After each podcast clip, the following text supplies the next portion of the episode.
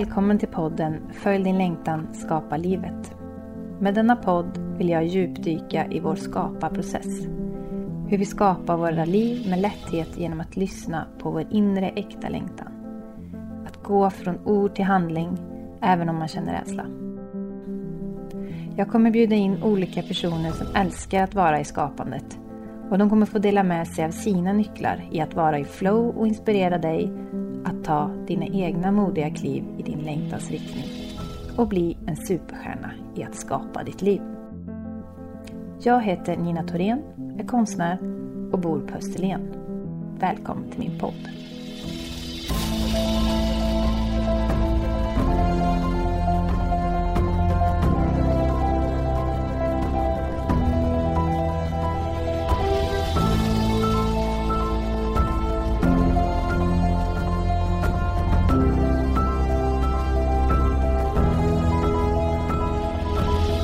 Dagens gäst är kocken Marcus Aujalay.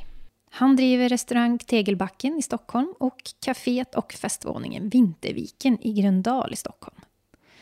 Marcus har vunnit tävlingen Årets kock och suttit flera år i juryn i tv-programmet Sveriges Mästerkock. Han har gett ut tio kokböcker och har nu en egen Youtube-kanal där han vill sprida lättlagad fest och vardagsmat. Vi pratar om att lyssna på sin lust inte så mycket på vad du borde göra för din karriär, utan bara köra på. Att kreativiteten kan bli starkast under pauserna. Vikten av relationer där vi kan vara helt öppna och ärliga för att stärka varandra i motgångar. Och det viktigaste avtrycket vi gör är hos människor vi möter varje dag. Så vi får möjlighet att njuta av det medan vi lever. Det och mycket annat får du nu ta del av. Välkommen Marcus Aujalay till Följ din längtan, skapa livet. Tack snälla. Vad härligt att vara här hos dig i Årsta. Ja. Hur länge har du bott här? Sex år nu. Ja. Du har kommit in i området, känner Absolut. dig hemma här. Ja. ja, men jag trivs bra. Mm. Det är klart att när man byter område och flyttar så är det en omställning, men nu trivs jag jätte, jättebra. Du är ju liksom en känd tv-profil och du driver restauranger och allting, så många vet ju vem du är. Men mm. för de som lyssnar här nu som kanske inte vet vem du är, vem är du? Ehm, jag är då Marcus Aujalay och är född och uppvuxen i Uppsala. Jobbar inom restaurang, har gjort det sedan jag var 14 år. Flyttade till Stockholm 1994 och började jobba här. Och sen så har jag skrivit massa kokböcker. Jag har ju tävlat i mat och vunnit en del tävlingar. Jag har ju då synts på tv i olika sammanhang. Och lagar nu även mat på YouTube. Och gör lite olika saker. Så det är väl kortfattat vem jag är. Sen kan man ju gå in liksom om man... Men för de som inte vet vem jag är så blir det svårt att berätta mer. För de har ändå ingen koll. Nej, och det ska vi ju djupdyka här under samtalet. Så vad var din allra första ursprungslängtan till att du eh, håller på med det som du gör just idag? Eh, ja, men då blir det lite djupt på en gång nästan. För att det, det handlar egentligen om, tror jag, när, man, när jag har analyserat själv och lärt känna mig själv bättre. Att det handlar nog mycket om, för min del, att få synas, att få bevisa och ta plats. Liksom. Eh, och ett litet rop på hjälp egentligen från, eh, från mina föräldrar eh, som skilde sig när jag var väldigt liten och min pappa som var väldigt frånvarande. Så att eh, någonstans har väl min drivkraft varit på många sätt att bevisa och få synas för honom mycket men, men också för min mamma sen att eh, bevisa att mitt yrkesval ska vara godkänt. Eftersom jag då kommer från, en, från Uppsala och hon jobbade väldigt mycket inom universitetet Eh, den akademiska världen då. Så att, eh, och eftersom då ett, att jobba inom restaurang var inte riktigt godkänt då. Inte hos min familj i alla fall. Så att eh, mycket så var det drivkraften egentligen i, i allt jag har gjort. Och från början när jag var liten så var jag ju väldigt mycket, spelade väldigt mycket musik, jag spelade teater och jag menar massa saker som att, att få synas och kanske också kliva in i, i andra roller än, än sig själv som också på något sätt kanske blir en, en liten verklighetsflykt på något sätt. För att jag tyckte det var jättejobbigt när de skildes när jag var liten och, och så vidare. Men jag menar sen när man ska summera allting lite snabbt då så, så är jag väldigt glad. Jag är ingenting jag ångrar men, men eh, det blev min drivkraft på många sätt. Som jag numera har släppt för länge sedan såklart, men, men under många år var det mm. ja, den, den ska man inte förringa, den Nej. är stark. Den jo, absolut. absolut. Eh, om du kan ta med oss eh, i liksom en liten tidslinje här. För du berättade lite, du flyttade till Stockholm och så började du eh, mm. jobba ta med oss lite i en tidslinje där. Ja, men det började ju med när jag var 14 så jobbade jag extra på en italiensk snabbmatsrestaurang i Uppsala. Det var mitt första jobb. Jag fick det jobbet genom min mamma som hade kontakter där. Och igen, anledningen var väl egentligen att jag ville ha ett jobb för att tjäna pengar så att jag kunde köpa ja, men instrument och stereo och liksom, eftersom jag var extremt musikintresserad och vi spelade musik i olika konstellationer. Jag var inte så framgångsrik i skolan, jag var väldigt rastlös och det kan ju bero på många olika saker. Men jag var liksom, det var inte riktigt min grej, jag hade svårt att koncentrera mig och, och, och göra läxor och så. Så jag kommer ihåg det väldigt tydligt när jag jobbade då, var 14 år, att ja, men, doften från liksom mat som lagades från disken, från kaffemaskinerna, sorlet. Personer, kollegor i olika eh, åldrar, olika ursprung och, så vidare. Det var en levande miljö som var helt magisk. Eh, så att jag trivdes ju väldigt snabbt. Och det som var roligt och som jag kände mig bekväm och hemma i var ju att man blev accepterad för det du gjorde där och då och egentligen inte vad du hade för bakgrund eller vad du hade presterat innan, utan det är ju verkligen vad det är vi nu. Vilket passade mig väldigt bra. Så att jag fortsatte ju då att jobba vidare på olika restauranger och gick restaurangskolan sen. Men då kom ju den här brytpunkten då, okej, okay, vad ska jag göra? Hur, vad ska det här leda mig? Är det bara ett jobb för att tjäna pengar, för att jag ska kunna göra det jag vill eller uppfylla min dröm? Eh, eller ska jag satsa på det här? Och då någonstans kom ju brytpunkten kring 90, början på 90-talet. Jag bestämde mig, okej, okay, men nu ska jag satsa på det här. Nu ska jag se hur långt det kan ta mig och, och, verkligen satsa på att bli riktigt bra. Och det var väl också ett sätt att bevisa då, tror jag också, undermedvetet för mina föräldrar att det är okej okay att jobba på restaurang. Det är okej okay att jobba som kock. Det är ett riktigt yrke. Men det har ju hänt väldigt mycket i Sverige för att då, början på 90-talet, det var ju precis då egentligen som man började prata om att det var ett respekterat yrke och det började sen synas i tv att kockar lagade mat i större utsträckning. Och då bestämde jag mig att då får jag lämna Uppsala. Sökte mig till Stockholm då och började jobba på Operakällaren. Som var då en av de mest, liksom, mest etablerade och kända restauranger i, i Sverige. Och som även var känt då i hela Europa. Som en stor välrenommerad restaurang. Så det var ju som en dröm eftersom jag hade också då köpt och läst massa kokböcker av Tore Wretman och Werner Fögeli och, och, och sådär. Så det var ju verkligen eh, coolt. Mm. Hur kom du in där då? Ja, men jag jobbade då ute på Arlandia hotell. Eh, som var ett eh, Radisson SAS-hotell ute vid Arlanda.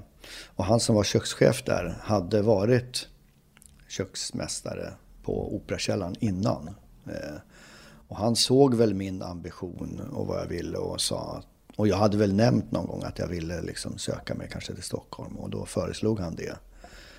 Och så fick jag komma dit och provjobba. Det var ju mäktigt. Med facit i hand så var det väl kanske inte så konstigt att jag fick jobb för det var ju en extremt stor restaurang med många kockar. Så det var ju liksom stor omsättning på kockar och, och, och så vidare. Men det blir ju en mental stort steg att ta när man ska lämna en liten stad eller mindre stad och byta miljö. Och jag hade inte varit jättemycket i Stockholm. Även om det ligger väldigt nära så var jag en sån som mest var i Uppsala. Jag åkte liksom till Stockholm man skulle gå på en konsert eller så. Men eh, jag liksom hittade inte. Så att jag kommer ihåg när jag åkte hit hit då och skulle provjobba att jag liksom, jag visste inte var jag skulle gå. Och bara det var ju lite nervöst.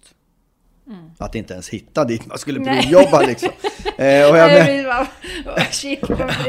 Och då, fanns, alltså, då fanns det väl inte mobil, eller fanns mobiler då? Alltså, nej, GPS och grejer. Nej, det hade man ju inte då. Nej, då. Eh, det, det, hade börjat komma, jag hade några kompisar som hade mobiltelefoner, men det var ju precis då det hade börjat ja, liksom. Men ja. det fanns ju absolut inga GPSer och så på. Nej.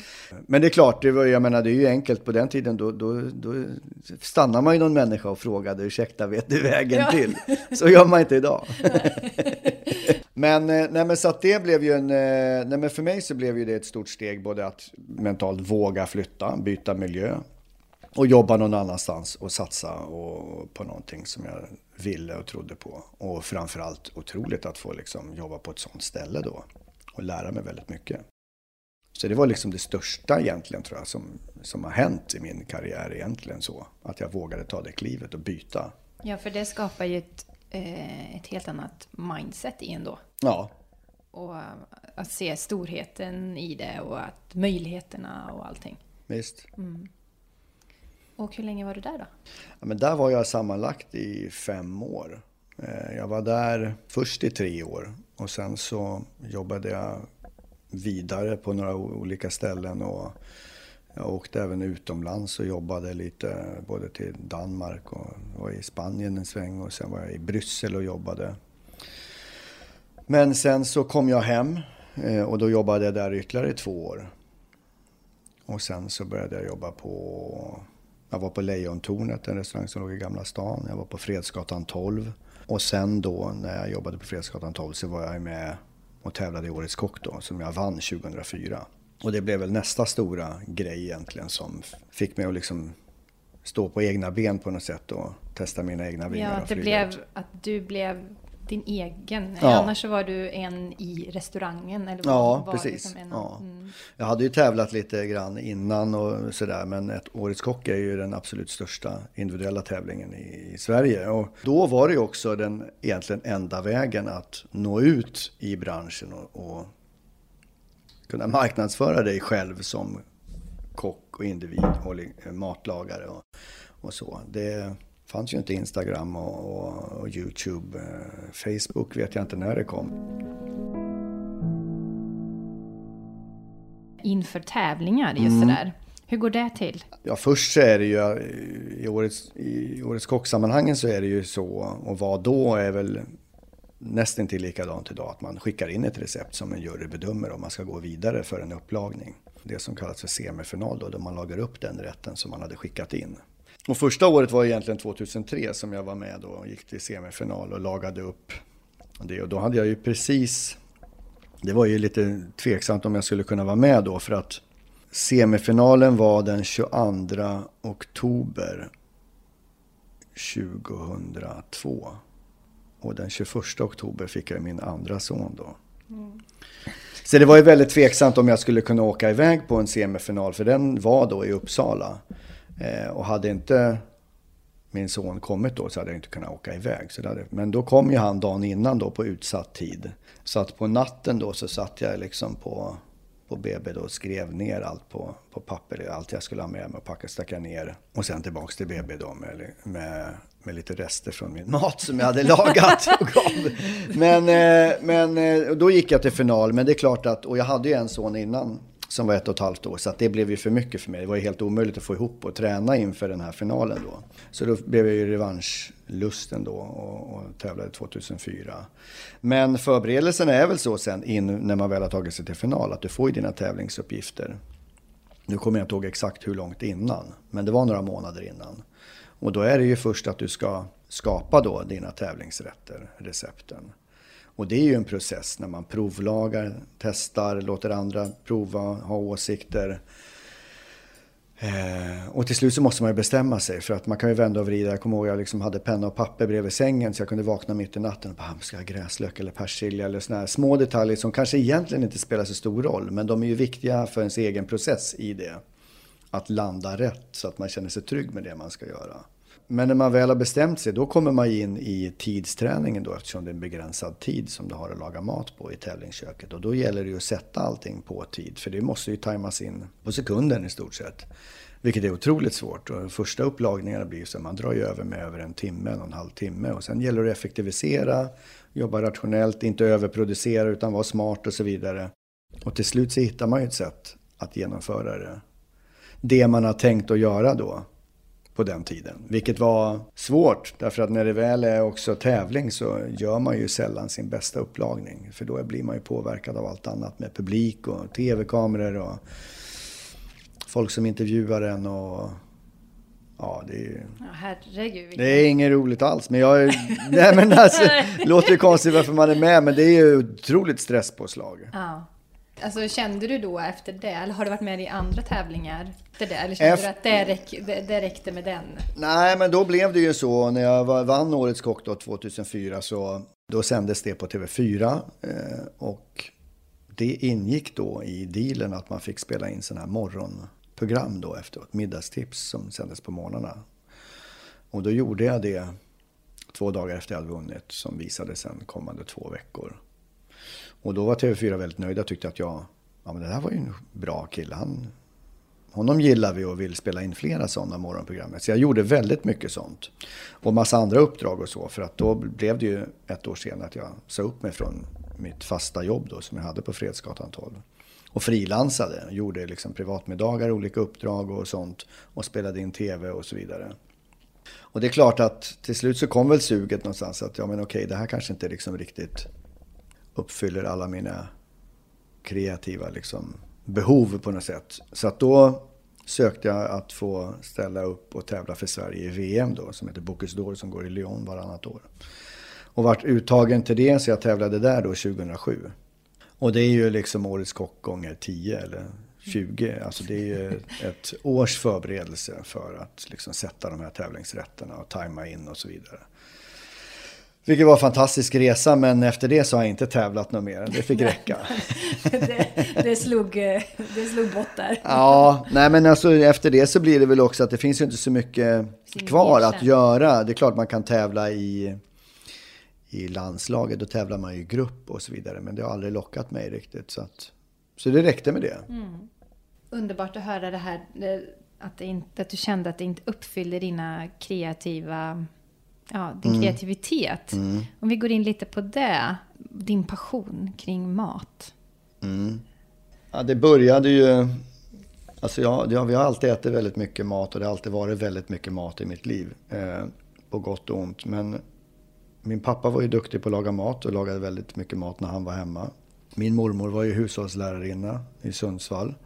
Så hon lagade ju väldigt mycket mat och allt var ju hemlagat. Och, och, och hon skämde ju bort mig och min brorsa vi var ju där väldigt mycket hos henne. Eh, och min mamma lagade ju all vardagsmat eh, som var enkel men alltid hemlagad också.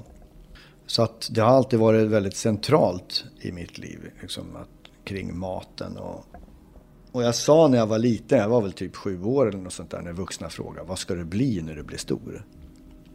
Jag ska bli kock eller fullgubbe.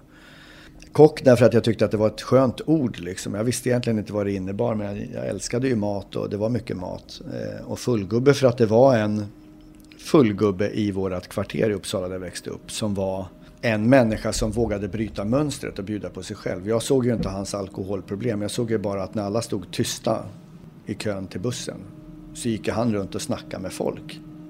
Och även liksom på bussen då. Tänkte det var skönt att han vågade bryta mönstret och bjuda på sig själv och ja, men var clownen lite grann. Och det var väl en tacksam roll att få kliva in i för min del också eftersom jag kanske inte var jätteglad när jag var liten. Efter skilsmässor och så. Men så att det var väl det som tilltalade mig på något sätt att, att, att säga fullgubbe då. Så det var väl egentligen först sen när jag blev 14, 15 och kanske egentligen inte förrän vid 18, 19 som jag liksom verkligen gillade att laga mat. Jag tänkte det här liksom. Men det började också i högstadiet minns jag när vi vi var ju ett gäng som umgicks mycket och vi blev ju besatta av att koka spaghetti och smaka, smaksätta det på olika sätt. Och man var ju runt hos varandra och det var ju alltid intressant då när man vi visste att vi hade spaghetti och sen skulle det här smaksättas. Så det var ju bara att öppna skafferiet och man visste ju inte vad som väntade. Och ibland så fanns det ju inte så mycket. men just det där att blanda torkade kryddor med lite soja, smör, det kunde vara eh, chilisås eller vad som helst. Eh, det var ju aldrig något lyxigare än så. Och då lärde man sig ju ganska snabbt också. Det här var gott. Eh, det här var inte bra. Vad berodde det på? Jag hade haft för mycket av massa grejer. Och... Så det var nog en ganska utvecklande process egentligen. Att man lärde känna framförallt vad man själv gillar. Då. När man ändå dras till det här att man vill tävla och utmana sig i maxad kreativitet. Mm. Liksom. Mm. Och fine dining och allting. Berätta mer. Hur, vad, vad händer i dig när du eh, håller på med det här? Ja, nej men alltså det som är nu som många frågar om såklart, det är ju sådär hur man kommer på nya rätter då som man serverar på restaurang och så. Det är, det är ju en process såklart. Det är väl som, jag har aldrig liksom egentligen valt att eh, kalla det här för liksom konst på något sätt. Men, man, det, men det finns ju ändå ett ord som heter kokkonst. Eh, att, att komma på rätter och kombinera olika saker som ska tilltala andra människor. Det är väl konst på ett sätt, precis som du målar. Om det är ingen som tycker att dina tavlor är fina så Ja, man kan göra för sin egen skull, absolut, men ofta vill man ju någonting mer. Att man gör ju någonting för någon annan.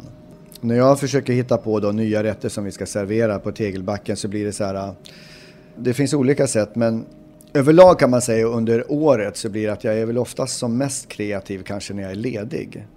Om jag åker iväg på semester och ligger liksom och bara inte gör någonting då brukar efter några dagar så brukar kreativiteten komma och det kan ju vara alltifrån att jag var ute och åt på någon enkel restaurang och så fick jag liksom en idé och så började jag tänka och för då, då kan man se, jag behöver liksom komma ifrån den dagliga produktionen för att kunna vara kreativ och tänka fritt. Och då har man oftast, eller jag i alla fall, många idéer och då kanske jag utgår ifrån en huvudråvara. Det skulle kunna vara kyckling till exempel. Okej, okay, och, och, vilken säsong kommer vi vara i? Vi ska servera den här i oktober. Eh, vad finns det då? Och så vidare. Och sen när man väl har hittat ungefär en typ en smakbild så tänker man kanske hur man vill att det skulle kunna se ut. Och då får man utgå ifrån vad har vi för tallrikar. Ibland så kan det ju vara så att nej, men vi behöver en ny tallrik till det här. Eller så utgår man ifrån en tallrik som fanns till någon annan rätt. Men sen börjar man ju provlaga det här och testa att det blev så gott som man hade tänkt. Och sen brukar jag ofta låta mina kollegor då, att vi proväter tillsammans och smakar och sådär. Sen handlar det om att hitta ett sätt att kunna genomföra det här rent praktiskt. För rent krast så är det ju så att det enklaste som finns det är att hitta på bra maträtter. Som kan slå världen med häpnad. Men att kunna genomföra det praktiskt på en restaurang med personal och med gäster som då helt plötsligt har egna önskemål och kommer i olika tider och så vidare. Så det blir en logistikfråga. Mm. Och där får man ju alltid liksom då tulla lite grann på sin kreativitet och hitta liksom en, en bra medelväg som, som man kan vara nöjd med. Ja, vad som ska förbereda, hur mycket som kan förberedas innan, ja. vad som måste göra alla ja. minuter. Ja, det liksom. mm. och det gäller ju då, för min del är det väldigt viktigt att man gör så mycket som möjligt när gästen är där. Man förbereder det som är, så mycket man kan utan att det tar bort känslan eller smaken eller upplevelsen kring att det som hamnar på tallriken framför gästen är nylagat, gjort bara för dem. Det är ju känslan man vill förmedla. Mm. Så det är svårt. Det är den utmaningen som ändå kanske du dras till. Ja men så är det ju ja, såklart. För, att du, för du driver ju eh, en restaurang som heter Tegelbacken. Ja. Och eh, beskriv vad är det för slags restaurang? Tegelbacken är ju en, eh, en eh, ganska liten restaurang i centrala Stockholm. Eh, ligger vid Tegelbacken, heter ju liksom den platsen i Centralpalatset i Stockholm. Det är en liten, jag ska säga att det är en internationell stil och känsla i restaurangen. Eh, en ganska tidlös inredning, väldigt varm, mycket färger och eh, lagar, eh, ska jag säga, europeisk mat. Alltså ganska, utgår från en väldigt klassisk grund eftersom jag själv är skolad så. Men, eh, men mycket medelhavsinspiration eftersom det är ett kök som ligger mig väldigt, väldigt varmt om hjärtat. Eh, ganska fräsch, enkel mat liksom överlag. Det ska vara lättförståeligt för gästerna men, men vi lägger ju allt krut på att försöka göra det liksom lite snyggt och elegant men att det ändå inte, man inte får tulla på tillagningen då. Att eh, vi försöker göra det så fräscht och gott som möjligt för gästerna. Och väldigt, ganska, ganska avskalad mat också, inte för många olika saker på tallrikarna utan gästerna ska kunna äta och slappna av och känna sig bekväma med det som, som de har fått serverat. Precis, och det är där du jobbar mest med den här ja. processen egentligen. För sen äger, eller driver du även Vinterviken. Det är ju, Vinterviken är ju ute i Liljeholmen, Gröndal, en jättestor byggnad i Nobels gamla svavelsyrafabrik. Där vi har luncher och café sju dagar i veckan året runt och sen är det festvåning på kvällarna då. Nu är inte jag jättemycket på vin, Vinterviken utan det är min kompanjon som, som driver det. Och jag är mest på Tegelbacken och jobbar där mm. på kvällarna. Då. Mm. Så det är där som du egentligen, ja. man får del av din Nej, kreativitet mest? Eller man uh, ja, absolut. Jag försöker ju vara med och bidra till det kreativa på, på Vinterviken. Men det har vi ju haft nu i snart 15 år. Så mm. det, det har ju hittat sin form för hur det ska drivas. Sen mm. behöver man ju alltid vara där och hjälpa till lite grann ibland. Men mm. de som jobbar där är väldigt, väldigt duktiga och har liksom axlar det väldigt bra. Ja, du har hittat rätt människor. Ja. Men du, vad längtar du efter nu då? Eh, ja. Har, har, har du någon ny idé du vill utveckla i ditt entreprenörskap? Ja, men det är klart att det finns massa idéer och tankar och det, det ingår väl tror jag. Eh, samtidigt så kan jag också bli, eftersom det blir ju också i det här klimatet när man är, kanske speciellt i, i en storstad som Stockholm och jobbar i, i restaurangbranschen, så egentligen jag är så kluven därför att alla frågar egentligen, jaha, är det något nytt på gång? Ska du öppna något nytt ställe eller vad gör du? Alltså, och det är ju lite grann samma fråga som att ställa till ett barn. Vad ska du bli när du blir vuxen? Det är ju omöjligt att svara på. Och varför är det så viktigt att hoppa på ett nytt projekt? Varför inte? Nej men, jag är ju nöjd med det jag har. Även fast, men samtidigt så blir det att eftersom man då är kreativ på något sätt eh, och tänker och har drömmar och visioner. Så eh, så det är klart att det finns massa drömmar om, om en till restaurang, någonting eller andra saker. Men sen så vaknar, liksom, vaknar man ju till mitt i den där tanken och tänker Ja, fast det innebär ju mera jobb. Och det kanske inte är det jag är ute efter eftersom jag jobbar redan ganska mycket. Och det bästa jag vet förutom att jobba det är ju att få ligga i, i soffan och kolla på en bra hockeymatch. Eh, och laga middag hemma och, eller gå ut och äta själv. Så att det är väldigt kluvet och då blev ju till exempel då min YouTube-kanal en, en sån kreativ grej som blev ett bra komplement då. Och det blev ju liksom till följd av pandemin att jag hade massa tid. Eh, så det startades en YouTube-kanal där jag kan laga mat och bestämma allt själv egentligen. Tillsammans mm. med de som hjälper mig med det. Men eh, ja, så jag vet inte. Jag har ingen aning vad, vad, om, om det ska bli något mer eller jag ska göra något. Ingen aning. Nej. Jag ser framför mig att du eh, kanske ska ligga mer på stranden, gå på nya restauranger. Ja, men ja, alltså, absolut. Du vet det där, att få mer av det till, till ja. det du har nu. Absolut. Ja. men jag tror det. Jag har ju, en av mina bästa vänner bor ju nere i Frankrike och han jobbar ju också med det som jag gör. Han har ju restauranger där nere. Eh, och vi träffas ju och pratar ofta och, och, och, vi har ju alltid då, liksom när vi ses, pratar vi om, okej, okay, hur ska det bli då när vi blir gamla och var är vi och liksom och sådär. Och målsättningen är väl någonstans också att man ska liksom pensionera sig från sitt jobb. Alltså, jag tror att för min del så vill jag nog alltid ha en restaurang att jobba på eller kunna gå till och vara liksom kreativ eller träffa gäster och personal. Men någonstans måste man ju komma ifrån det att man jobbar hela tiden. För målsättningen med livet måste väl vara att man ska njuta av det liksom, och plocka det bästa ur det. Samtidigt så finns det ju liksom ingen genväg i, för min del i alla fall. Utan, men jag har ju jobbat väldigt många timmar i väldigt många år nu.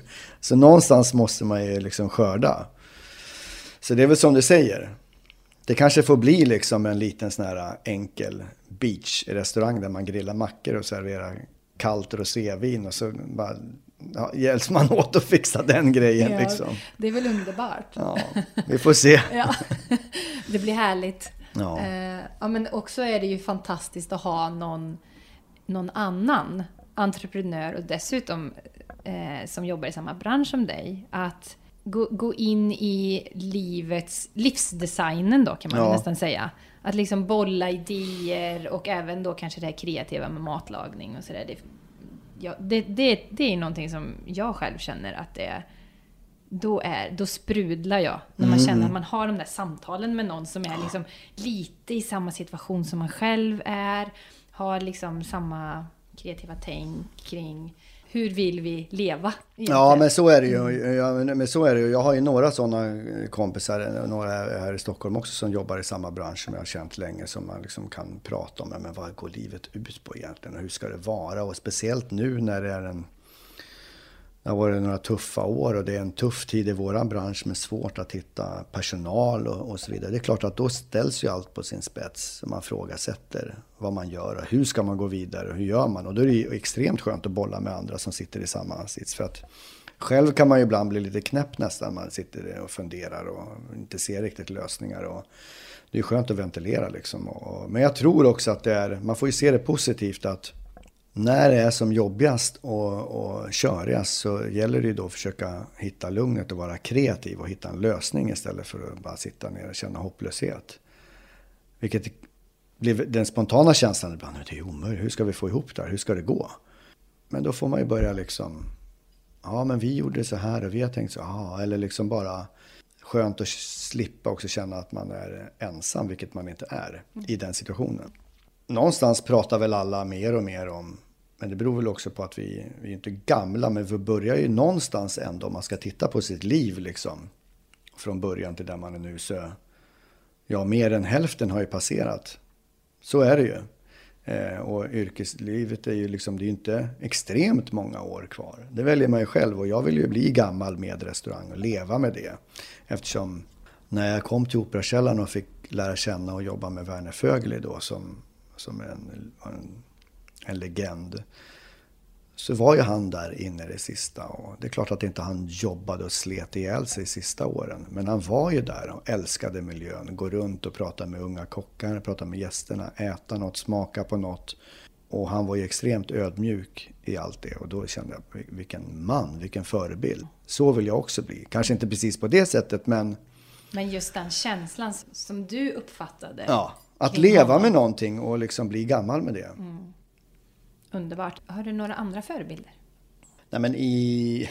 Jag vet, det var väl liksom, det blev väl min första egentligen stora förebild och kanske egentligen den, den enda. Sen ser jag upp till många människor, om man ser rent yrkesmässigt i våran bransch, som har gjort många bra saker. Men det är inte så att jag känner att jag skulle vilja byta med dem.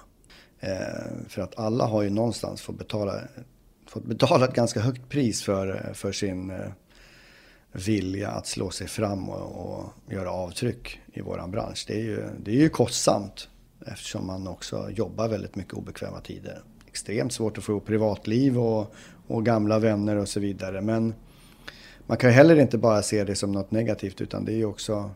Det är ju så med många yrken. Obekväma arbetstider. Det finns ju hur många människor som helst som jobbar på nätterna. Och då sover ju vi. Nästan alla, de flesta. Mm. Och då är det massa människor som jobbar för de brinner för det på något sätt. Ja, det är fantastiskt. Så att eh, man får ju vara lite ödmjuk i det liksom. Ja, verkligen. Vad eh, inspirerar dig? Platser kan ju inspirera. Alltså jag gillar ju att resa eh, och jag blir ju inspirerad när jag åker till nya platser. Det kan ju vara i Sverige men, men ofta utomlands också. Är det, är det på det sättet som egentligen idén från början var med de här olika kokböckerna? Du har ju vissa som är Barcelona mm. är det ju. Eh, berätta lite mer. Ja, men jag har ju gjort många böcker. Nu var det ju ett tag sedan jag gjorde någon kokbok. Men, men det där blev ju egentligen då också, det är ju 20 år sedan nu. Eh, för då var det ju väldigt hett med kokböcker och de sålde väldigt bra mycket. Det började med egentligen att eftersom jag då syntes på tv och gjorde de här alla middagstipsen och så, så ville ju ett bokförlag att jag skulle göra en bok och då gjorde jag det och det var ju en dröm såklart att få göra en bok. Det var ju otroligt mäktigt. Och sen så bara rullade det på egentligen under några år. Så att jag har gjort, tror jag, 8-10 böcker. 10 böcker tror jag, med menytryck och kompletteringar och, och recept. Eh, olika saker, men min drivkraft kring kokböckerna eller inriktningarna har ju alltid varit att det ska vara väldigt folkligt och lättillgängligt. Jag valde att jag ska nå ut, att alla ska kunna ta till sig det här och laga det här. Jag har ju aldrig känt att jag har velat imponera på kollegor i branschen. För det går inte. Det är ingen som blir imponerad av det man gör. Utan jag ville nå ut liksom och känna, okej, okay, här är mitt tips till hur man kan förgylla vardagsmaten eller sin hemmafest eller vad det nu är. Eh, och det är alltid sån mat jag har lagat. Och det kom väl egentligen från att man gjorde mycket av de här morgonprogrammen. Eh, för det var ju sån typ av mat. Och det är även sån mat jag lagar på min YouTube-kanal. Ja, precis. Idag är det ju skillnad för idag så säljer ju inte kokböcker lika mycket. Eh, jag har inte gjort en kokbok på flera, flera år. Och jag vet inte om jag kommer göra någon mer heller. Jag känner någonstans att nu har jag min YouTube-kanal och det blir som en levande kokbok. Jag lagar ju maten, de får alla ingredienser i en lista med exakta mått och så vidare. Så att man kan ju gå dit och kolla om man vill ha något av mina recept. Mm. Vilket känns enklare, roligare och Plus att man kan spola tillbaka och verkligen se hur gjorde han då. Ja, som i, i en kokbok då har man ju bara kanske max, för det mesta en bild bara på ja, rätten. Ja. Hur mycket intuition tillit använder du dig av i ditt eh, yrke? Som vi var inne på tidigare, de senaste åren har ju varit väldigt omtumlande för alla, på alla plan. Men, eh, och då handlar det nog mycket om att man måste någonstans gå till sig själv och lyssna på sin mage liksom. Okej, okay, vad tror vi liksom? Kommer vi klara det här? Kommer det lösa sig? Är det här en bra idé? Ska vi göra så här? Och det måste jag säga att det har nog, eh, har jag liksom, känner jag en trygghet i. Att jag, jag lyssnar mycket på liksom, på mig själv och, och tror jag på något så vågar jag. Eh, och ibland så backar jag för att nej, men det här det känns inte bra, jag tror inte på det här. Eller liksom, och då gör jag det inte. Sen kanske det hade funkat ändå men någonstans hittills så tycker jag nog att det har löst sig väldigt bra. Jag minns när vi startade Vinterviken, det var ju också då finanskrisen 2008. Vi står med en 2000 kvadratmeter stor tegelbyggnad Eh, och bokningarna liksom trillar av och sådär. Och då var det ju så här, okej okay, hur gör vi? Men någonstans, ja men vi trodde ju på det vi gjorde och vägrade ge upp och var ganska hårda i vissa förhandlingar och bara körde utan att kompromissa. Och det lönade sig i längden.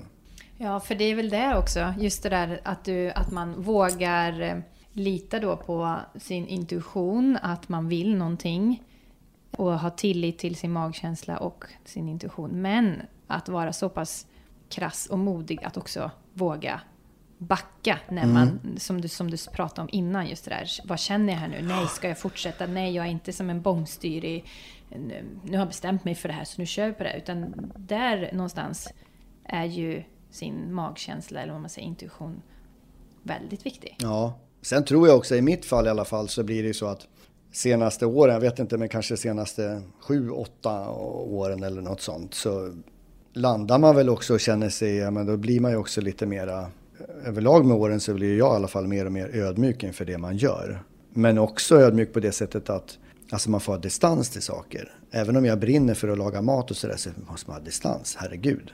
Det är ju liksom, det är inte livsviktigt att, att driva en restaurang eller få den att snurra. Skulle inte det gå så får man ju bara hoppa av det och göra någonting annat. Alltså man måste, jag tror, och det är rätt skönt när man kommer till den insikten.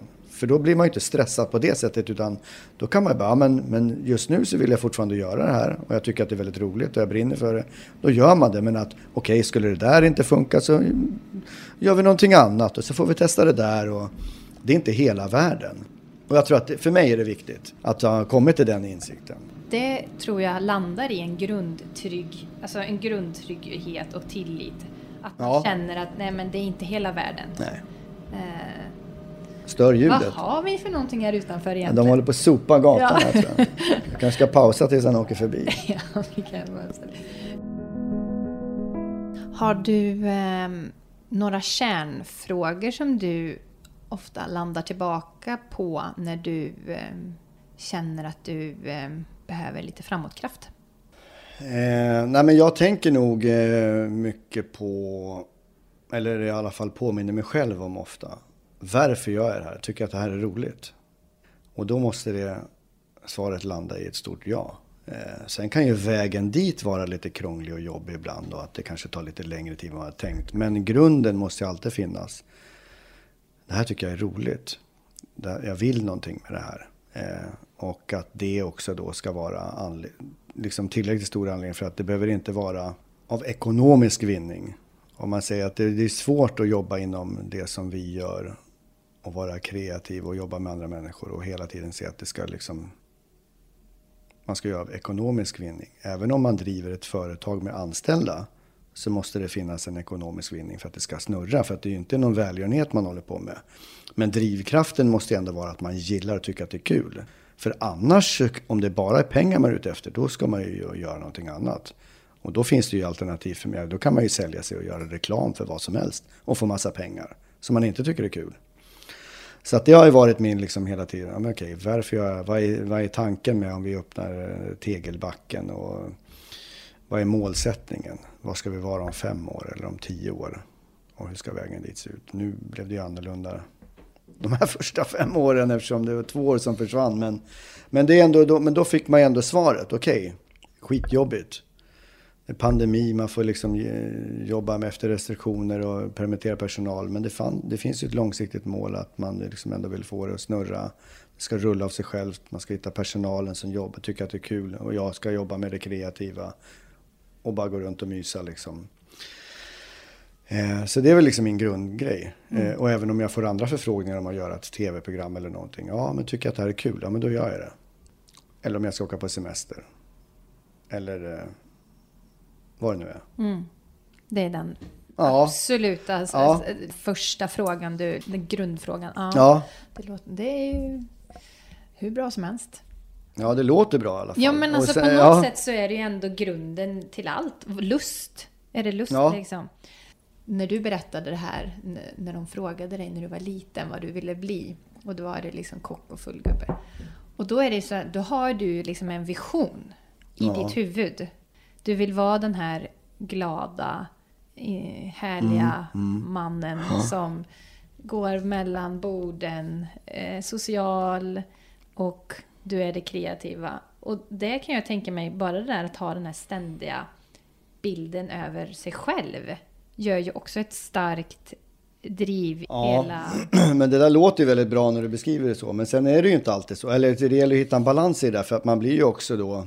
För det är ju, jag kan känna att det är ganska svårt att räcka till ibland. Eh, därför att det tar ju väldigt mycket kraft att prata med människor som vill liksom. Och, de, mm, och det ingår ju liksom. Det, det ingår i ens arbetsuppgift. Eller liksom, eh, det, det, det, det kommer med vare sig man vill eller inte. Och jag är ganska bra på det. Jag gillar att bjuda på mig själv. Men på bekostnad av att när jag väl kommer hem så kan jag vara ganska tömd och trött. Eh, och då kanske jag inte alltid har orken att Var prata glad. och vara glad och här. Utan då kan man ju liksom vara trött och vill vara för sig själv och sitta i soffan eller liksom gå och lägga sig eller vad det nu är. Men, så att det gäller att hitta balansen i det så att man inte tömmer sig själv helt. Eh, och där kan man bli bättre på, jag kan bli bättre på det, att liksom hitta balansen. Och, eh, och den är ju svår att styra ibland för alla kvällar och dagar är ju olika. Man vet ju aldrig när man kliver utanför dörren vem man träffar och vad de behöver eller kräver eller vad man hamnar i för samtal eller vem som ringer och något strular eller en rolig idé eller något. Så att, ja, där lär man sig hela tiden. Ja. Vad ska man fokusera på? Var Ja. man lägga sin tid och kraft och energi på? Exakt, liksom? men i slutändan så blir det ändå så att man måste väl se till sig själv att man själv mår bra då. Så man måste ju vårda sig själv och det kan ju vara lätt för mig att tappa bort det ibland. Okej, nu, oj shit, nu har det gått så här lång tid. Just det, men vad är det jag mår bra av? Ja, men då kanske man bara, men nu åker jag bort en helg eller nu gör jag det här eller Det är det du gör när du känner att du har kommit i lite obalans. Ja, och eller... Alltså jag blir bättre och bättre på det. Eh, och, jag, och det har väl också med att göra att jag inte hetsar upp mig så mycket längre. Förr tyckte jag allt var liksom... Jag var lite mer hetsig och kanske tyckte att allt var liksom så viktigt och noga. Men eh, till slut så blir det ändå ja, men spelarroll. Alltså, vad är det som betyder något egentligen? Men, men att man måste också göra det man gillar. Och att man, det blir ju väldigt mycket att man dras med i vad andra tycker har för åsikter. Och det är väl samma som om det är sommar, strålande sol och varmt ute. Ja, då är det så här, oj, vad, Då vad, måste ska, man- vad ska man? man måste, Ja, vad, vad, vad, behö, Men vad kan man bara, man göra? Ja, kan man bara dra ner alla gardiner och kolla på en Netflix-serie? Men det vågar man ju knappt säga. För då tycker folk att man är knäpp. Eller, eller samma sak som jag kommer aldrig glömma, jag kanske var 20 år. Så ringer det någon tidigt på morgonen. Jag hade jobbat till 12 ett på natten. Ringer det någon vid halv åtta på morgonen. Låg du och sov? Nej, svarar man då. Fast det gjorde man ju. För man får inte ligga och sova. Det är något, istället för att bara, ja det gjorde jag. Kan du höra, ringa senare? Ja. Ja, men det blir, man är så, så många konstiga saker som... Så, och det är, väl det, det är väl där man landar till slut, Mm. när man liksom landar i sig själv. Man bryr sig inte. Nej. Att tänka sig mer bortom normen. Vad man är- gör väl det. Man, Ja. man måste göra det man gillar så länge det inte skadar någon annan. Nej, Liksom. precis. Mm, helt rätt. Men om man sitter på en middag, ett gäng, och så börjar man prata om till exempel då hur länge folk sover på morgnarna. Så finns det ju ingen, nästan ingen i alla fall, som säger att men jag älskar att sova till 11-12 på dagarna. Nej. Då känner man oansvarigt, vad är det för fel? Alltså, vuxna människor går upp på morgonen. Ja, ja. Ja, helst klockan eh, 4.30. Ja, men att det är något fint. Ja, för då får man egen tid och så kör man yoga och möter soluppgången. Ja, det är vuxet och bra. Och liksom, då är man medveten istället för att bara njuta av att ligga och drömma och fantisera om vad som helst. Till 11-12. Jag vet inte, men det, men det får man ju ta eget ansvar för och göra sin egen liksom. Ja, vad, när funkar man som bäst? Jag, Ja. jag vet ju många konstnärer som vill eh, börja jobba på kvällen. Eh, och det kanske man inte gör varje dag då, men för att man vill vara med sin familj, Visst. självklart. Men ehm, Det, det är såklart att det är bra att ha, när man har småbarn så har man sina arbetstider och man håller sig liksom till det. Men det är ändå väldigt skönt då att göra vad man vill. Ja. När man har möjlighet. Ja. Och möjlighet är ju det som är underbart att skapa så mycket möjlighet som möjligt. Ja. Fri, fritt att välja. Alla dagar nästan. Så långt det går liksom. Men det är ju samma med såna här rutiner, vad man äter och så vidare. Jag menar, ja men som frukost, då äter man smörgås, gröt, fil eller yoghurt med några flingor eller müsli. Eh, man kanske äter lite frukt, man gör en smoothie. Men det är ju inte så att du äter en pad thai till frukost. Fast i de flesta delar av världen så äter man ju typ så. Ja. Ris, eh, soppa, fisk eller liksom Ja. sånt som är eh, bra och näringsrikt. Men i våran värld så gör man inte det och då blir en sån grej lite konstig. Ja, eh, men det är väl det som är så härligt att, eh, att faktiskt se, att lyfta det här, många olikheter, vad, hur man kan välja. Och man blir då även inspirerad när man reser. Vissa delar i Europa, då tar man väl en, eh, en sötsak Ja, till frukost. Ja, och en kopp eh, espresso Ja. eller macchiato, typ. Mm. När känner du dig som modigast? Ja, men jag tror, alltså rent krasst så är det ju så, man har ju lärt sig med åren att fatta massa beslut som man kan egentligen, kan man väl kalla för modigt, liksom rent yrkesmässigt då, eller i företag, eller ska vi göra det här, satsa på det, våga, eller man går till banken och tar ett lån på miljoner som man inte har och vet inte hur man ska få ihop och så vidare. Det är ju modigt på ett sätt, men det kan ju också vara naivt och korkat. Det beror ju på hur utgången blir. Men om man ser till sig själv rent personligen, så är väl jag, när jag anser att jag själv har gjort någonting som jag tycker är modig eller stolt över mig själv. Det är när jag gör någonting som jag inte vågar. Alltså som jag är... Jag är ju inte en modig person egentligen. Jag liksom, gillar inte höjder. Går jag till Gröna Lund, vilket jag älskar, att, jag älskar att vara där, men jag pallar inte åka någonting. För jag gillar inte det. det är liksom, då kan det vara modigt att jag går med på att åka något. Eh, Och den där stora slänggungan för några år sedan, det tyckte jag var modigt. Och då tyckte jag liksom, för det, det men så att det är väl sådana saker. Och det kan ju vara i det lilla liksom, men då tycker jag bland annat då, som jag är stolt över mig själv när jag tackade ja till att segla över Atlanten då. Det var det visserligen liksom en tv-produktion, men det blev ju ändå som en riktig reality-upplevelse. Att det var ju några som var med på båten och dokumenterade resan. Men jag har ju aldrig seglat i hela mitt liv. Och någonstans blev det i processen då, innan jag hade tackat ja, att jag bara liksom vägde för och nackdelar och sen vågade fatta ett beslut. Ja, men jag gör det. Så då, då är jag nöjd. Och då tycker jag det var modigt av mig att göra det. För att jag inte hade, jag hade ingen koll alls. Och det var väl tur det, för hade jag vetat så kanske jag hade liksom tackat du, nej. Ja. Ja. precis. Då hade du liksom Ja. målat upp i huvudet eh, saker som men, gjorde... Mm. men sånt är ju bra för mig. Att Ja. liksom utmana mig själv då. och Göra saker som jag inte, som är utanför min comfort zone. För jag är liksom lite trygghetsnarkoman så överlag. Jag blir bättre och bättre. Men jag är liksom, ja. Så att, eh, Du är som modigast när du vågar utmana Ja. dina rädslor. ja. Mm, helt klart. Vad vill du lämna för avtryck här på vår jord då? Det spontana blir ju så här, man vill ju att ens barn då ska känna men, att de tyckte att jag var en bra pappa, att de fick en bra uppväxt, att de var nöjda med det som jag hann ge dem. I form av trygghet eller rutiner eller eh, minnen och eh, liksom värderingar och så vidare. Men annars så vet jag inte om jag känner att jag behöver göra något avtryck eller så. Men om man tittar historiskt sett så finns det ju så jag vet inte hur man ska kunna ge avtryck. Det finns ju några människor som har gjort det såklart, på gott och ont. Liksom. Men, men jag tänker på det mycket nu eftersom jag är i en process då jag håller på att tömmer min mammas och hennes mans hus i Uppsala. De har båda gått bort. Och nu är det bara ett par veckor kvar innan det ska vara tomt och några nya ska flytta in och så vidare. Och då börjar man ju när man går igenom saker. Eh, så saker som kan betyda mycket för mig, eller som jag ser, som det här, men just det, den här grejen, den kommer från min mormor. Vad ska jag göra med den? Den betyder jättemycket för mig, eller kanske för min mamma. Eh, men mina barn har ingen relation alls till det där. Så det kommer ju hamna på soptippen förr eller senare. På något sätt. Om det inte är någon praktisk sak som fyller en funktion. Eller att jag liksom, men så att det går ju så fort till att någonting inte betyder någonting egentligen. Och då är väl egentligen det du är inne på, vad man lämnar för avtryck. Ja, det kan ju vara i och för sig då en tavla som kan vara fin, som folk går och tittar på i flera hundra år sedan, som hänger någonstans. Och det är ju ett avtryck kan man säga, men annars är det ju inte, jag känner inte att jag behöver ge något avtryck eller att jag ska liksom, för det, de som gör, jag vet det kan ju vara så här, de, de, som har skrivit mycket bra musik, de har gjort avtryck som folk lyssnar på och känner saker till, gifter sig till, skiljer sig till, eh, gråter, skrattar, vad det nu är. Det är ju jag, riktiga avtryck och eh, så, men jag har svårt att se vad jag skulle ge för avtryck. Jag har ingen aning. Nej, det kanske uppdagas. det kanske blir mina barnbarns barn som får uppleva det. Då. Ja, precis. ja. Men ibland tänker jag att man kan se det på, som du säger, på båda sätt. Att man ett avtryck sånt där som lever kvar i generationer. Ja.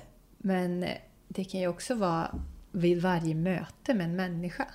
Alltså... Nej, jag, jag menar rent yrkesmässigt så eh, hoppas jag ju varje dag att jag gör avtryck eftersom jag hoppas att mina gäster ska få en minnesvärd mm. måltid. Vare sig det är en fika, lunch eller middag. Eller en bröllopsmiddag eller en bankett på vad det nu är. Men, så det hoppas man ju och det är ju, det är ju underbart när folk säger det. Men liksom, om de skriver efteråt och tackar för en fantastisk måltid och det var ett minne för livet. Eller som det hände en gång eh, för några år sedan att det var en familj som skrev att deras mamma var väldigt sjuk och inte hade så jättelång tid kvar. Hennes högsta dröm var att få komma till Tegelbacken och äta. Men hon var så pass sjuk eh, som inte märktes på henne, men hon var det. Och, eh, så att hon kunde inte vara i restaurangen när det fanns andra gäster där. Så att vi höll extra öppet då. För lunch, att de kunde komma själva och sitta och äta. Och det blev ju för dem då, övriga familjen, ett minne för livet att de fick gå dit och äta med sin mamma. För hon gick ju bort bara kort därefter och då skickade de ett tackkort och sa att det var fantastiskt. Och då fick de ju den måltiden. Så att på så sätt så gjorde jag ett avtryck för dem. Och det blir ett avtryck för mig också att de upplevde det. Så sådana saker är bra. Men det är ju ingen som kommer minnas det om hundra år de kommer ju berätta för sina barn att vi var där med farmor eller mormor. Liksom och så. Men till slut så glöms ju just den grejen bort. Det bästa är väl att man gör avtryck eller någonstans så att man lever med det, att man kan njuta av det nu. Ja, precis. För att då, jag kan ju njuta av den saken när jag pratar om det. Den middagen som de fick. Eller lunch blev det ju då. Men liksom, det kan ju jag tycka var otroligt fint. Att de valde det, att jag fick vara med och bidra. För det blir ju lite grann som om man ska citera liksom Magnus Uggla liksom med hans platta som han släppte. Men varför ska man ta livet av sig om man ändå inte föra snacket efteråt? Och det är klart att de som står inför det valet tänker inte så mycket så. De mår ju oftast väldigt dåligt och det är ju hemskt. Men lite grann är det så. Varför ska man jobba för att göra avtryck om man ändå inte får skörda sen? Alltså det är väl bättre att liksom göra folk glada nu. Ja, man kan, när man tänker på många som, ja, men som till exempel konstnärer, många som inte blev kända förrän efter de hade dött. Hur tråkigt är inte det då? Eller? Ja, det måste ju vara tråkigt. Om det inte är så att man tror då på ett annat liv där man någonstans kan se det, alla, uppleva det i alla fall. Ja, Men jobbigt för man kanske inte kan, det vet vi ju inte heller i och för sig, om man kan påverka det som händer då. Nej. Ingen aning Nej, om någonting. Nej, vi kanske kan gå in och Rätta till. Så. Ja, exakt. Mm, nu kanske vi, änd vi, vi ändrar ljuset ja. så att de märker den här saken. Det är oftast på nätterna sånt sker då, ja. när folk är inne och förändrar saker. Eller hur. Ja, men du, vad har du för eh, superkrafter? Ja, men jag tror att min superkraft, om man nu ska kalla det för det, ja, men jag tror att det är min överlevnadsinstinkt på något sätt. Att jag har nog eh, lärt mig att jag känner mig stark i mig själv oftast, men i grunden. Så att jag är inte så orolig. Jag, jag tror eh, på något sätt att det kommer att ordna sig. Det är liksom min inre känsla. Så att eh, jag är inte så nojig liksom. Det, det kommer ordna sig på något sätt. Och det, det är rätt skönt att luta sig mot det.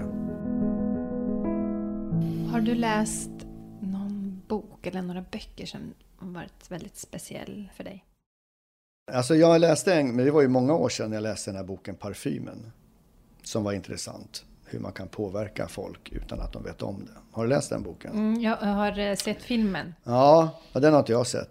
Men, men, boken var ju intressant då och jag tror, och det handlar ju lite om det undermedvetna och hur man liksom, eh, hur dofter påverkar människor som jag är helt övertygad om att det stämmer.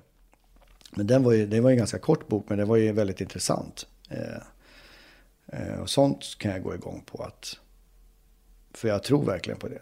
Dofter har, påverkar väl hela livet och mitt, mina minnen är ju oftast doftrelaterade. Jag menar, jag vet ju, jag minns ju fortfarande exakt hur det doftade i trappuppgången hos mormor på Lotsgatan i Sundsvall. Jag minns hur det doftade på vägen till skolan för jag gick förbi alltid. Det fanns ett litet äldreboende som låg där och alltid när jag gick till skolan på morgonen så fläktade det ut dofter från köket. Och det doftade ofta så här brynt lök och det doftade på ett väldigt speciellt sätt och det doftade väldigt gott om man gillar det. Så mycket blir ju så här, eller den här årstiden när man gick på gatan och det fanns äppelträd som doftar golvet i centralkapprummet i högstadiet. Eller, ja, men det finns ju mycket olika saker. Som bara tar en dit till platsen. Exakt. Mm. Eh, och så kan det ju vara med ljud också tror jag. Musik och, och sånt. Ljud och dofter kan ja. ju verkligen få en att minnas saker som kanske till och med har nästan sjunkit bort. Ja, visst. I ja. För ibland så påminner, ibland kommer man ju någon så bara, men det här doftar ju precis som någonting som jag upplevt för 45 år sedan. Ja. Och så sugs man tillbaks dit och så kan man relatera till det. Men det är ju, och ibland kommer man ju inte på vad är det jag känner och då blir man ju frustrerad. För då går man och tänker på det där och hoppas komma på. Mm. Du som eh, youtuber. Mm. Mm. Har du några andra YouTube-tips än din egen YouTube-kanal? Absolut inte. Nej, det är absolut inte. Nej, men jag tycker överlag så är det väl så. Eh, alltså det som jag gillar med YouTube, och det är väl inte någon generell liksom, YouTube-kanal, men det jag gillar där är ju att om man kan i princip söka på vad som helst så finns det ju någonting. Jag menar, det är ju intressant om man ska åka någonstans som man aldrig har varit så kan man gå in på Youtube och skriva in den destinationen. Så kommer det ju komma upp klipp från det, olika människor som har varit på den platsen och lagt ut filmer och så vidare. Och det tycker jag är intressant.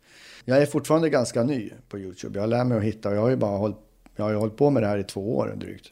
Och det var väl egentligen precis innan som jag egentligen förstod vad det var och började kolla. Du som gillar att dra ner persiennen och titta på Naturligt. Har du några bra härliga filmtips? Ja, men alltså det senaste som jag har kollat på, som jag, eller serie på tv som jag har sett, eh, som jag blev hooked på, det var ju Yellowstone med Kevin Costner. Och det kommer ju en ny säsong i höst. Eh, det var väldigt bra. Och du som gillar att resa då? Vilka, mm. är liksom, vilka platser har gjort mest avtryck i dig? Ja, det finns ju Alltså jag gillar ju Europa. Alltså vi har ju, jag har ju varit väldigt mycket i norra Spanien, i Katalonien, en liten by där. Eh, jag vet inte om jag ska säga vad den är. För vi är några som har hängt där genom åren och alltid skämtat om att vi ska inte säga vad det heter för då kommer det komma dit fler folk och det vill vi inte. Nej, för samtidigt så blir det liksom eh, konstigt. Mm. Men det är en liten by som heter Cadaqués som ligger eh, i norra Katalonien. Eh, som jag varit i många, många år. Så den, det, det, har jag varit, men det har ju blivit nästan som en sån här, som istället för att man har en sommarstuga så har man åkt dit och varit där varje sommar. Nu har det varit lite sämre de sista åren men jag hoppas åka dit snart igen. Men annars så finns det ju som jag menar, en plats som har varit väldigt omtumlande. Det var ju första gången jag var i Japan och i Tokyo och tog tåget ner till Kyoto och eh, tog del av den kulturen. Det var ju helt omtumlande. Så det, dit längtar jag tillbaka. Jag var där en gång till efter det, men jag vill åka dit snart igen. Sen finns det ju liksom, jag älskar ju England, eh, USA. Eh, men sen finns det ju några platser som är outforskade då, som jag hoppas få uppleva. Mm. Så det är väl egentligen det som jag liksom blickar framåt nu, nästa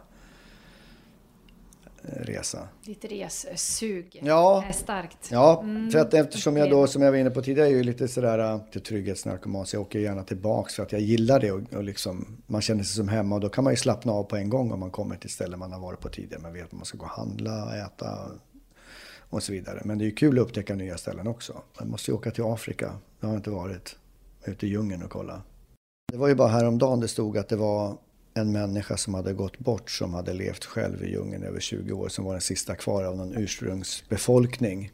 Okay. Som då vi i väst eller liksom hade då haft koll på och filmat lite grann på distans och sådär. Haft koll hur den där människan rörde sig och gjorde och sådär. Men att mm. någon gång hade de kommit för nära och då hade han ju liksom attackerat dem med typ pilbåge eller någonting. Mm. Men att det är fantastiskt att det fortfarande finns platser på jorden som är i stort sett orört och där ingen människa kommer. Att det finns människor som lever och bor där som inte har någon aning om vad internet är eller bilar eller Michael Jackson eller Coca-Cola eller en hamburgare. De har, de har ingen aning. De lever där och då och det är ju coolt. Ja, skitcoolt. Ja. Att det faktiskt finns, de finns kanske, ursprungs... kanske är lyckligare än vad vi är. Ja. ja, de är verkligen här och nu Ja. i sin omgivning. Ja, men jag blir ju så sjukt inspirerad av, ehm, av när naturen har fått göra sin, sin gång. Eller liksom när det har fått skapas alla de här olika mossor och Mm. eh, ja, när allt har växt ihop och när det är ehm, så, ja, men, träd har ramlat och det växer ny. Alltså, det, och så blir jag hoppfull. jag blir Ja. hoppfull när jag är på sådana platser. Ja, jag fattar. Att eh, jorden finns kvar som Ja, visst. har varit. Ja, ja, ja.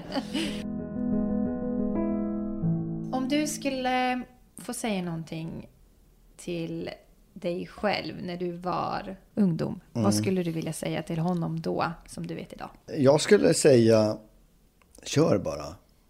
Kör, det kommer att ordna sig. Behöver inte liksom safea upp eller tänka så mycket hela tiden. För att jag har gjort väldigt många bra val, men de har varit väldigt oftast genomtänkta. Eller att jag har tänkt liksom att jag gör så här för att det borde vara bra för nästa steg. Eller man behöver inte tänka så mycket utan bara gasa egentligen. Nu är jag ju liksom nöjd med var jag har hamnat och vad jag har gjort eftersom jag inte vet någonting annat. Men då och då kan jag känna att ja, men det där borde jag ha gjort. Eller om jag skulle... Man behöver inte hela tiden känna att man ska göra rätt saker för att det ska leda till nästa sak som blir rätt för en själv eller ens karriär eller liv. Utan man kan ju bara köra på. Eh, Så att jag hade nog sagt det. Kör bara, det kommer att ordna sig. Har du några andra härliga, fina nycklar att dela med dig till våra lyssnare? Man ska väl försöka lyssna på sin, sin magkänsla. Liksom. Vad säger den och känns det här bra eller inte? Jag tror inte man ska tänka så mycket på vad andra tycker. Så länge man är snäll och trevlig och liksom inte trampa någon annan på tårna om man säger liksom, så, så ska man väl göra det man känner för. Sen är det, handlar det ju såklart om att koppla bort att det ska, allting ska leda till att man klarar av att betala sina räkningar. Man måste ju liksom någonstans följa sina drömmar på något sätt. Man kanske inte har några drömmar, men man ska ju bara köra igen, köra på. Alltså, ibland ska man väl kanske stanna upp och reflektera, men sen måste man ju gasa på lite grann. Och, och gasa på kan ju lika innebära att man ligger i soffan och inte gör någonting. Men då gör man ju det. Och det är väl inget fel med det. Och inte bry sig om vad andra tycker. Nej, man vet ju inte vad som kommer fram av att faktiskt Nej. bara vara också. Exakt. Både, mm, både göra och vara. Men sen också kanske då som jag också har lärt mig och blivit mycket bättre på att man bara vågar säga nej. Att man inte liksom gör så mycket, alltså det är klart man ska göra saker för andras skull. Man kan ju inte göra saker bara för någon annans skull. Och då menar jag inte liksom om det är sin familj eller en partner eller så, utan det menar jag mer att man behöver inte tacka ja till en middag bara för att man, inte, man är rädd för att de ska bli ledsna om man inte kommer. Utan man kan ju bara säga nej, men nej tyvärr jag kan inte komma. För att jag ville ligga hemma och kolla på en serie istället. För det visste jag att jag skulle må bättre av. Ja. Alltså då ska man ju, det kan ju vara sådana enkla saker. Eh, Och det måste man våga. Ja, för att man kanske inte är fullt ut närvarande då på den middagen Nej. ändå. Eh, Så då är det bättre att vi kör Ja. kanske nästa helg istället. För då är jag liksom förhoppningsvis mer på på det Ja, här. visst. Ja, men det tror jag är sådana här små enkla saker Mm. som man måste liksom ta kommandot över och våga Mm. säga ja eller nej. Ja, men så härligt att eh, sitta här vid ditt bord och snacka med dig om allt det här. Och vart hittar vi mer av dig och det du skapar? Eh, Jag, eh, ja, man är välkommen till Vinterviken eller Tegelbacken och äta. Man kan ju kolla på min YouTube-kanal. Eh, Man kan kolla på TV ibland. Man kan eh, följa mig på Instagram eller så. Det är väl typ det. Jag börjar med lite TikTok också. Det är min dotters projekt. Ja. Som tycker att jag ska bli liksom uppdaterad. Så där kan man också se mig. Ja, vad, härligt. vad, het, vad heter du där på Instagram och Facebook? Eh, nej Instagram men på in, det är Marcus Aujalay. Mm, eh, och Där kan man kolla om man vill. Det händer inte jättemycket men man kan ju gå in och kolla ändå. Ja, ja, men du, tack så mycket för idag, Marcus. Tack själv. Tack för att du lyssnar på Följ din längtan, skapa livet-podden. Är du nyfiken på mig och min konst? Konst som vill lyfta en känsla av längtan, ursprung och urkraft.